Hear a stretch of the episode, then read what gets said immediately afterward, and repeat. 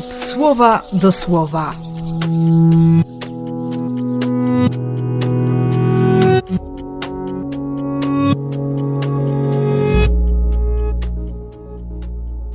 Piętnasty września, piątek z Matką Bolesną.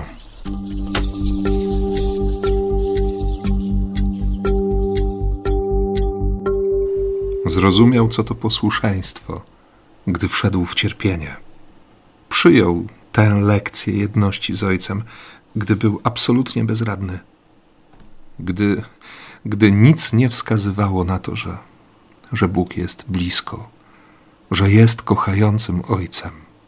To spora pokusa, żeby właśnie wtedy, kiedy jest trudno, kiedy się stoi pod ścianą czy przed ścianą, kiedy się człowiek wije jak piskosz i nie wie, w jakim kierunku iść, wtedy uwierzyć czy zachować wiarę, nie stracić zaufania, wiedzieć, że ojciec słyszy i kocha i uratuje.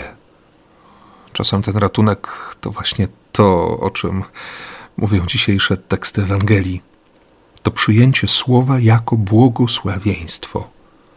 Nawet jeśli ono nie brzmi jak dobre życzenie. Twoja dusza będzie rozdarta mieczem, a przecież słowo jest jak miecz naostrzony z obu stron, więc trzeba uważać, jak się go używa. Bo jeśli kogoś chcę zranić słowem Boga, to muszę liczyć się z tym, że to słowo zrani również moje serce. Ale jest oczywiste, że, że Maryja nie chciała nikogo ranić słowem. Ona miała po prostu serce otwarte na wszystko, co mówi Pan. A Bóg poprosił ją o więcej.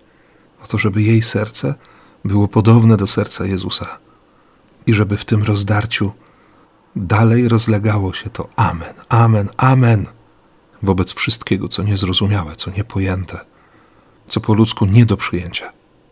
Ocaliła tę wiarę, przechowała tę wiarę właśnie w rozerwanym, w rozdartym sercu i jest najpiękniejszym z ludzi świadkiem i najbardziej wiarygodnym, że Ojciec Niebieski kocha do końca, że ta miłość jest wieczna i że ona naprawdę jest szczęściem.